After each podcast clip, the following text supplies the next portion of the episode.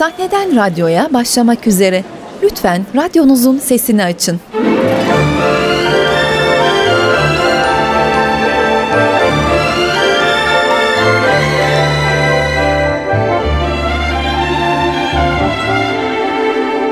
Sahneden radyoya. Oyun Sinek kadar kocam olsun, başımda bulunsun. Yazan Hatice Meryem. Hazırlayan ve sunan Erkan Taşdöğen. NTV Radyo ve Devlet Tiyatroları işbirliğiyle hazırlanan Sahneden Radyo adlı programımıza hoş geldiniz. Bu haftaki oyunumuz Hatice Meryem'in yazdığı, Funda Metin'in rejisörlüğünü üstlendiği ve Ankara Devlet Tiyatrosu'nca sergilenen Sinek Kadar Kocam Olsun, Başımda Bulunsun adlı oyun. Kocamla akşamları baş başa kaldığımızda bu çok güçlü duygunun etkisiyle zamk gibi yapışırız birbirimize. Sağlıklı bir pire gibi. Ak ve kara, iri ve ufak, yumuşak ve kaba nice yerlerime süründükten sonra o dünyanın en saklı ama aynı zamanda en görünür yeri olan o deptir, o yaşam dolu, o hiç kimsenin bizi bulamayacağı muhteşem deliğe girer. Cüce kocam tüm bedeniyle rüyamda dağların derinliklerinde madenlerin en uzak köşelerinde yaşayan cüce periler görürüm. Cüce kocam bu cüce perilerin ve cinlerin kralıymış meğer. Orduları varmış. Yaşadığı yeraltı madeni kıymetli taşlarla doluymuş. Bense cüce kocamın ordusunda görevli namusuna düşkün bir subayın en küçük en fettan kızıymışım. Yatıp kalkmadığım asker kalmamış orduda. Namlıymışım yani. Namım sonunda Cüce ve Yüce Efendimiz'e kadar ulaşmış. Ulaşmış da beni görmek istediğini ulaklar aracılığıyla bildirmiş. Eee sonrası malum. Göstermişim tüm maharetimi. Sabah olduğunda yanında yorgunluktan bir hitap düşmüş beyaz etli elma yanaklı bencazı görünce tamam demiş. Soyumu ancak hayata böyle dört elle ve bedeniyle sarılan bir kadın sürdürebilir. Daha ben uyurken nikahlanmışız meğer. İşte bu yüzden cıvıl cıvıl uyanırım ben. A kızım, sinek kadar kocan olsun, başında bulunsun. Sinek kadar olsun ama olsun. Nasıldır mesela bir ayyaşın karısı olmak?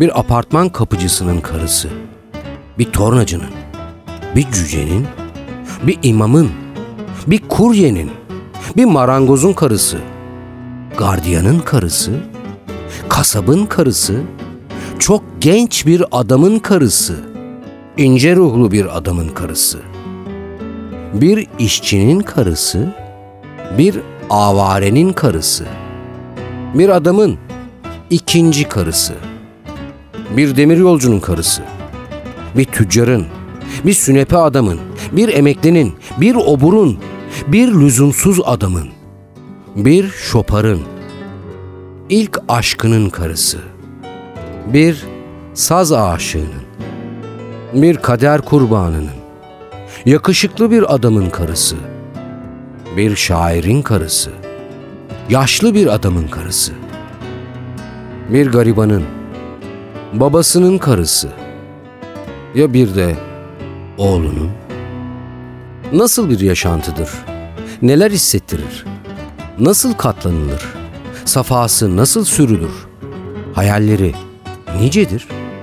Kuvvetli bir gerçeklikle ama mizahla ama sevgiyle kurulmuş eş durumu fantezileri. Kadınlık durumlarındaki ezilmişliği, yoksunlukları ama onunla beraber direnç ve ayakta kalma stratejilerini de yansıtan, yaşama heyecanı taşıyan iştahlı bir anlatı. Hatice Meryem'den karısı olma hallerine dair bir kinizm şaheseri.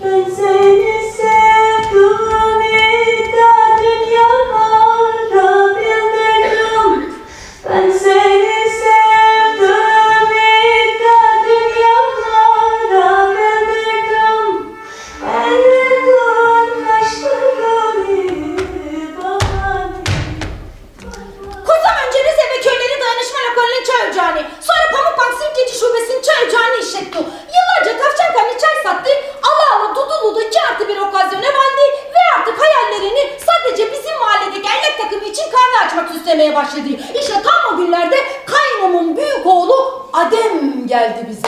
Bu amca boş ver de kahve yani. Aklın varsa internet kafe aç. Al üç beş bilgisayar otur kasaya paracıkları say da. Kızımın aklına bilgisayar dendiğinde çocuklarına aldi ama aldığını alacağına bin defa pişman olduğu ve her Allah'ın günü yine çocuklarının kafasında çırmayı hayal ettiği o şeytan aleti geliyordu. Ula eşekler gırgıtmayın bana şunu. Ey ey derslerinize bu kadar çalışsanız profesör olursunuz. Profesör. Kız elmas. Sök şunun fişini yoksa atacağım camdan.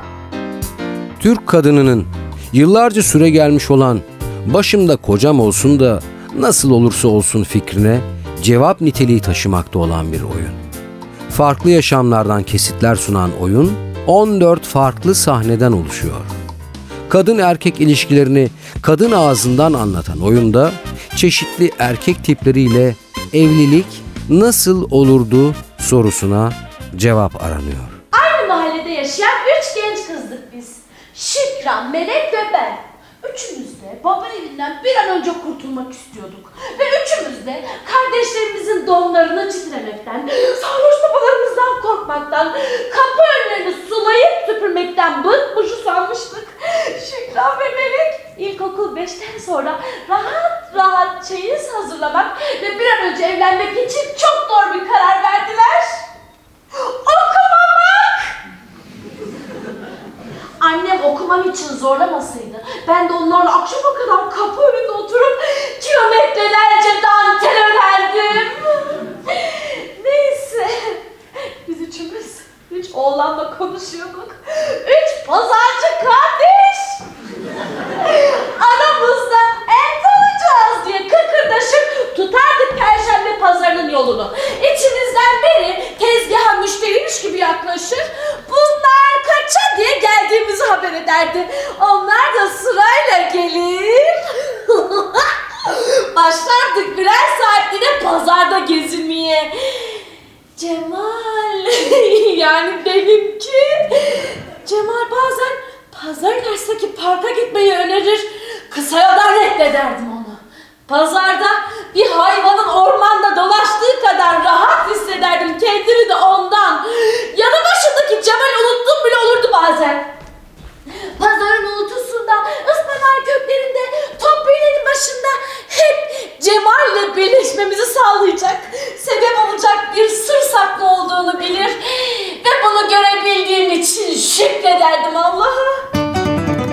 Oyunun ilk sahnesi ben yakışıklı bir adamın karısı olsaydım eğerle başlıyor.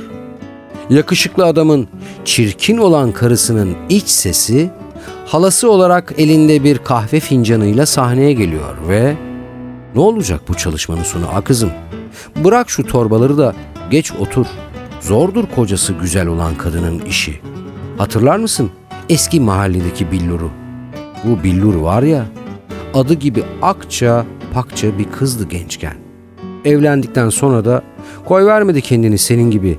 Zaten nasıl olsa adam elimde deyip ipin ucunu koy vermedi. Her gün sil baştan ayarttı kocasını. Ne akıllı kadındı.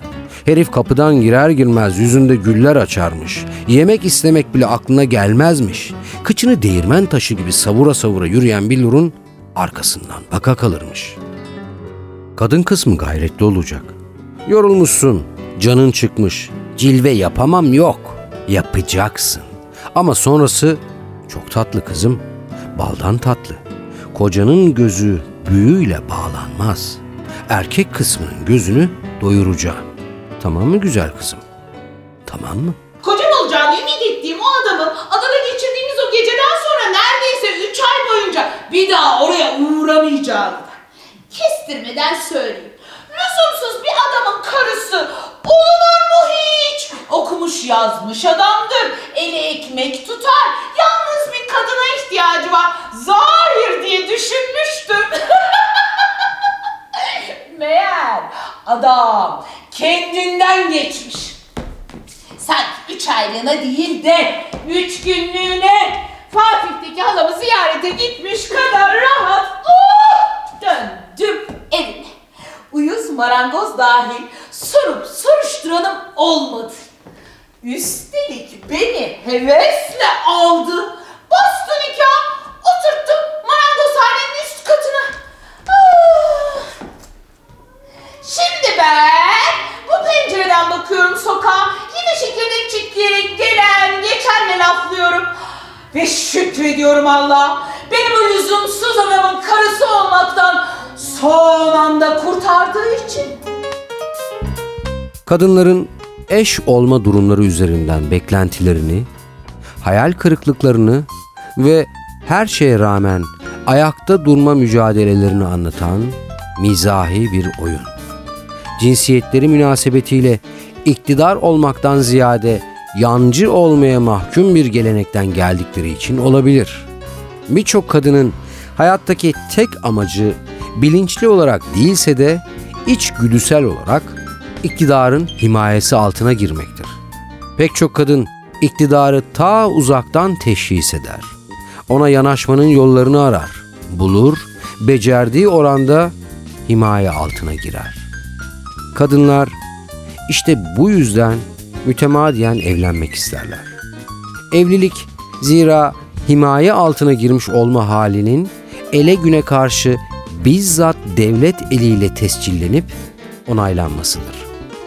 Bir erkek beni korusun, kollasın, mümkünse azıcık da sevsin. Fakat daha önemlisi bunu herkes bilsin demektir evlilik. Sinek kadar kocam olsun, başımda bulunsun gibi bir şeydir evlilik. Çünkü erkek cinsiyeti münasebetiyle sinek kadar bile olsa iktidar demektir. Ama sinek bu, uçar. İlle de hep sizin başınızda olacak değil ya. Bazen de gider, başka birinin başına konar. Peki o zaman kendi varlığını başındaki sinek üzerinden manalı kılan bir kadın ne yapar? Neler yaşar? Kime kızar? Demir yolları bu ülke için çok ama çok önemlidir Perihan. Yüce Atatürk yurt gezisinde ilk trenle Malatya'ya gitmiştir.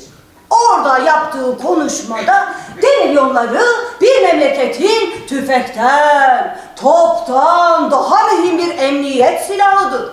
Demir yolları Türk milletinin refah ve medeniyet yollarıdır demiştir. Ah ah ne kadar doğru söylemiş vallahi. Hele Sivas Erzincan hattını teftiş ederken işçilerin paşam yol yapamıyoruz kazmayla bu taşlar kırılmıyor demesi üzerine bir işçi günde bir mecidiye kadar taş kırıyorsa dahi bu yol devam edecek diye cevap ve talimat vermiştir. Ee, bu ne demek oluyor? Demir yolları emek, kararlılık ve azimle kurulmuştur. Ama son 50 yıldır bilerek ve isteyerek geri bırakılmıştır. Bunu iyi belli Perihan. Çocuklarınıza da belli. Okulda öğretmezler. Soyguncu otomobil tüccarlarının bu işte payı büyüktür Perihan.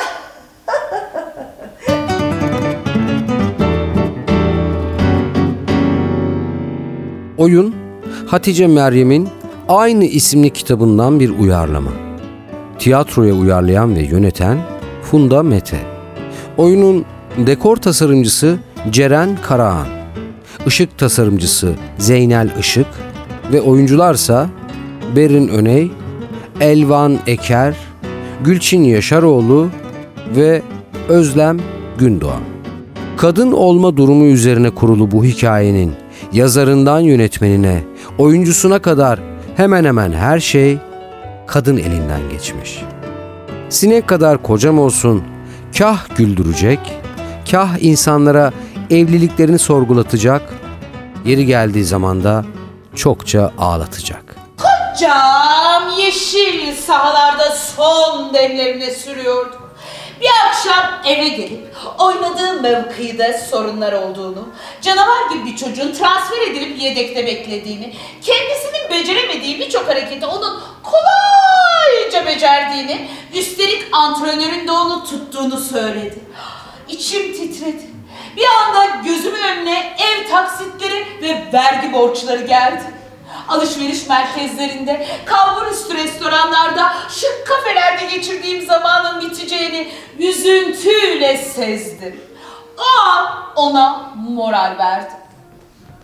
Aşkım, Metin'im, sen Türkiye'nin Alexis'in. Dedim demesine ama içimde sıkıntıdan patlayacak gibi oldu ve tuttum, saçmaladım. Aşkım, ama sen de çok fazla offside'a düşüyorsun. Biraz daha dikkat etsen, bu kadar şahsi oynamasan, topu alıp böyle deli danalar gibi koşacağına, azıcık da arkadaşlarının koşu yoluna bıraksan dedim. Metin bana arkadan baldırına tekme yemiş gibi sinirli sinirli baktı ve eli viski şişesine uzandı. An hayatımızın skorunu gördüm. Reel hayat 10, kocam süper sefer. Oyun esnasındaki geçişlerde oyuncular slaytla yansıtılan bir defter görüntüsünün içinden geçerek sahneye geliyor ve öyküsünü anlatmaya başlıyor. Bazen komedi, bazen hüzün, bazen yaşamın tüm ağırlığını yansıtan bir şiddet eşliğinde devam ediyor oyun. Kadına dair gerçekler, kadına dair öyküler. Yakışıklı mı yakışıklı? Hem sempatik hem de çok tatlı dillidir benim kocam. Ee, ben de kanlı canlı, hayat dolu bir kadınım. Olmak ya da olmamaktı çoğunlukla halimiz. Konservatuvarda tanıştık, kantinde. O arkadaşlarıyla, daha çok da kızlarla. Oturmuş konuşurken şöyle yanlarına gittim, kallavi bir selam verdim. Selamün aleyküm. Evet zırtapozumdur biraz da. Ama Serkan o dakika vuruldu bana.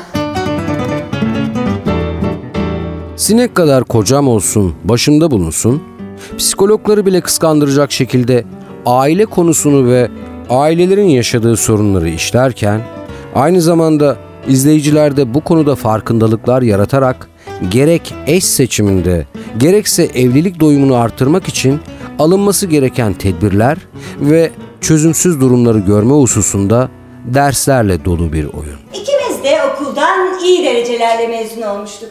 Aynı bankada çalışıyorduk ve gün boyu dolar paritesi, faiz, hisse senetleri, cari kambiyo gibi tehlikeli işlerle boğuşuyorduk. Evliliğimizin ilk yılıydı.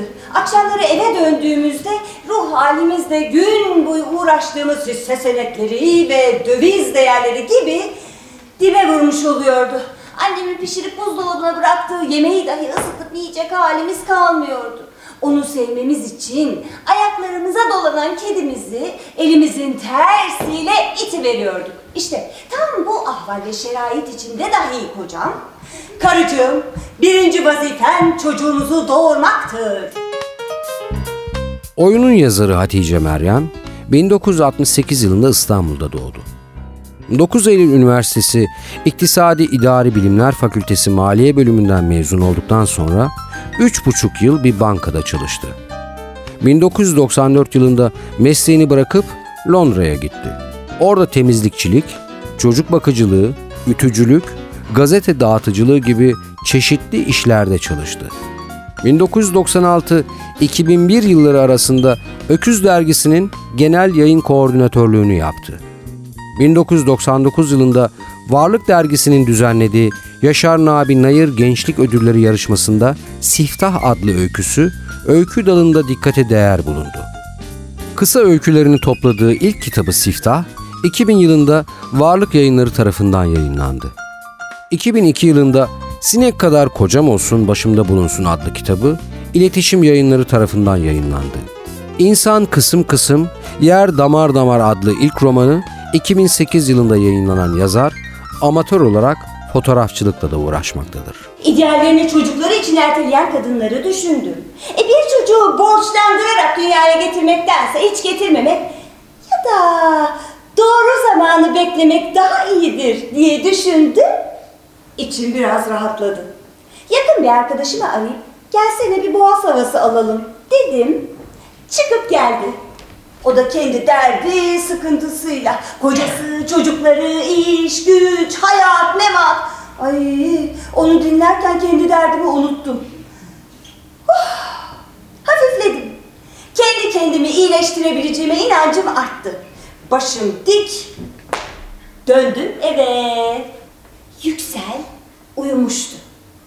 Baktım yüzüne uzun uzun. Ay bir çocuk gördüm yüzünde. Sonra aynada makyajımı silerken baktım yüzüme uzun uzun. E bir çocuk da kendi yüzünde gördüm. E bu çocuk, o çocuğu havada karada idare eder ve faize deyip gönül rahatlığıyla yatıp uyudum. Oyunun yönetmeni ve dramaturgu Funda Mete 1973 yılında Ankara'da doğdu. Hacettepe Üniversitesi Ankara Devlet Konservatuarı Tiyatro bölümünden mezun oldu. Yine aynı bölümde reji üzerine yüksek lisans yaptı. 1997 yılında Adana Devlet Tiyatrosu'nda sanatçı olarak çalışmaya başladı. 2004 yılından bu yana Ankara Devlet Tiyatrosu'nda sanatçı ve rejisör olarak görev yapmaktadır. Funda Mete'nin rol aldığı oyunlardan bazıları Kanlı Düğün, Budala, Hırçın Kız, Beşinci Frank, Hadi Öldürsene Canikom, Eyvah Yine Karıştı ve Kayıplar. Funda Mete'nin yönettiği oyunlarsa Bakalar, bir Broadway aktrisinin monoloğu ve Bencil Dev şeklinde sıralanabilir. Ve tam gecenin o saatinde cam kırıklarını süpürecekken ben karşı dairedeki Adrina Hanım açık kalan sokak kapısından ter temiz bir koku gibi usulca süzülüp geldi yanıma. İyi misin kızım? dedi. İşte o vakit başladım ağlamaya. Öteki kadınlar gibi boşa bu adamı. Baba evine dön. Gençliğin, güzelliğin yerindeyken dön. Ne kısmetlerin çıkar. Demedi Adrina Hanım. Evliliğinden, kocasını gencecik yaşında yitirip yapayalnız bir başına kalmasından, kadın kısmının hem yüreğinin hem yatağının boş kalmasının şeytanı dürteceğinden uzun uzun bahsetti ve sonunda Ah kızım sinek kadar kocan olsun başında bulunsun. Sinek kadar olsun ama olsun dedi. Sevgili dinleyenler, bu haftaki programımızın da sonuna geldik. Haftaya bir başka oyunun tanıtımında yeniden buluşuncaya kadar hoşçakalın. Oyunun tamamını devlet tiyatroları sahnelerinde görebilirsiniz. Ayrıntılar için devtiyatro.gov.tr adresini takip edin. Sahneden radyoya.